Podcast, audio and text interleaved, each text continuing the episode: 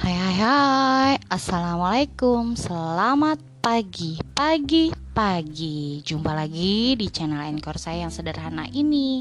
My name is Funi.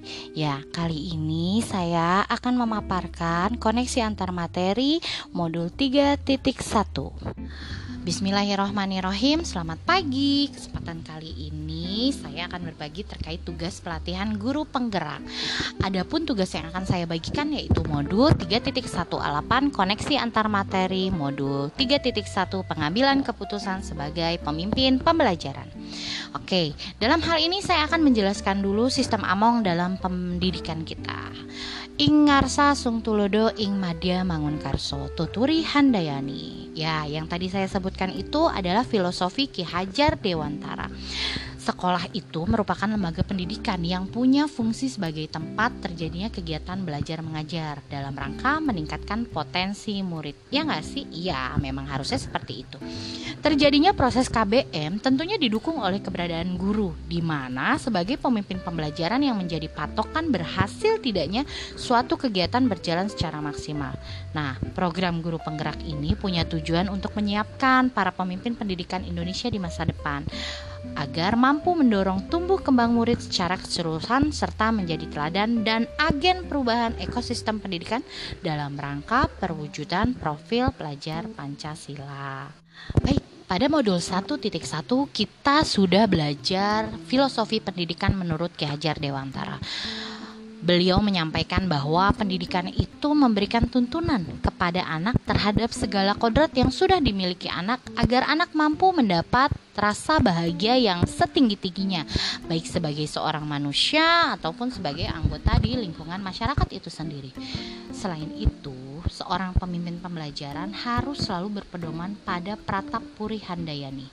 Kaitannya dengan pengambilan keputusan yaitu seorang guru harus mengambil sebuah keputusan yang tepat, arif dan bijaksana yang pastinya berpihak pada murid. Seorang guru mampu menjadi teladan bagi murid-muridnya. Selain itu juga harus mampu membangun semangat mereka sehingga dapat mengembangkan bakat dan minat yang sudah dimiliki oleh muridnya. Lalu bagaimana peran guru sebagai pemimpin pembelajaran? Nah, saya akan bahas nih ya di sesi ini. Dalam melakukan pengambilan keputusan, yang namanya seorang pemimpin pembelajaran itu harus selalu menyelaraskan antara visi misi yang sudah ada di sekolah, yang sudah ada disepakati, yang sudah dibuat bersama agar apa yang sudah diputuskan jelas dan terarah terutama dalam mewujudkan pendidikan yang berpihak pada murid sehingga terwujud merdeka belajar. Nah, dalam pengambilan sebuah keputusan pastinya akan ada dua hal nih yang bikin kita bingung, ya nggak? Nah, dua hal tadi di modul ini dibahas yaitu bujukan moral dan dilema etika. Nah, apa sih perbedaan keduanya? Bujukan moral tuh apa? Dilema etika itu apa? Nah, kalau bujukan moral itu benar versus salah. Di mana sebuah situasi yang terjadi itu dihadapkan pada situasi yang benar atau salah dalam mengambil keputusan. Nah, kalau dilema etika itu benar versus benar, lebih susah nih ya, karena benar versus benar. Di mana seseorang dihadapkan pada situasi yang benar, namun bertentangan dalam mengambil sebuah keputusan sebagai seorang pemimpin pelajaran, kita harus pastikan nih, apakah keputusan yang kita ambil tuh udah tepat atau belum.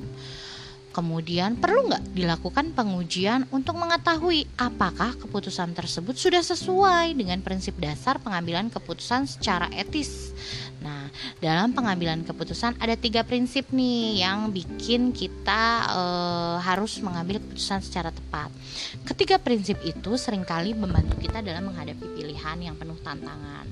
Nah, tiga prinsip itu ada satu berpikir berbasis hasil akhir atau end based thinking, yang kedua berpikir berbasis peraturan atau rule based thinking, yang ketiga berpikir berbasis rasa peduli atau care based thinking. Nah, Secara umum, ada pola, model, atau paradigma yang terjadi pada situasi dilema etika yang bisa dikategorikan seperti di bawah ini. Ada empat paradigma. Satu individu lawan masyarakat. Dua rasa keadilan lawan rasa apa yo ada yang inget nggak rasa keadilan lawan apa? Ya rasa keadilan lawan rasa kasihan. Yang ketiga kebenaran lawan kesetiaan. Yang keempat jangka pendek versus jangka panjang Sementara itu, ada sembilan langkah yang sudah disusun untuk membantu kita dalam mengambil dan menguji keputusan dalam situasi dilema etika yang membingungkan karena adanya beberapa nilai yang bertentangan. Langkah-langkahnya apa aja? Baik, langkah pertama, kita harus mengenali bahwa ada nilai-nilai yang saling bertentangan dalam situasi ini.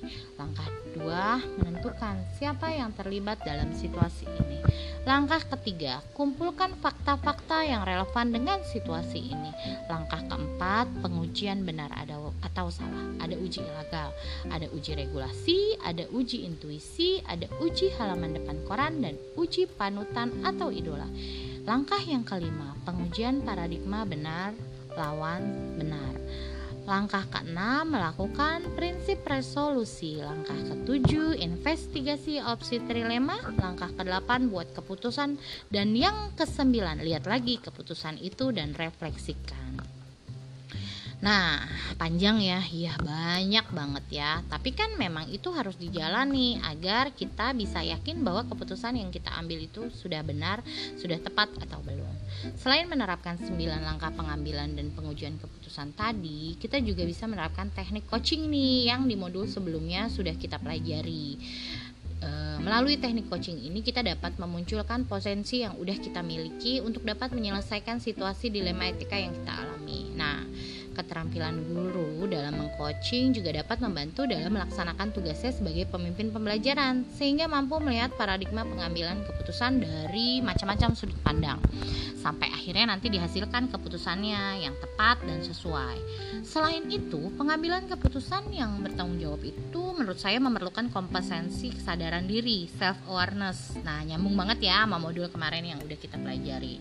Selain itu juga harus berkaitan dengan pengelolaan diri, self management, kesadaran sosial atau social awareness dan keterampilan berhubungan sosial atau relationship skill proses eh proses pengambilan keputusan yang tepat juga harus dilakukan dengan memiliki kesadaran yang penuh atau mindfulness agar dapat memprediksi efek dari keputusan yang diambil nanti.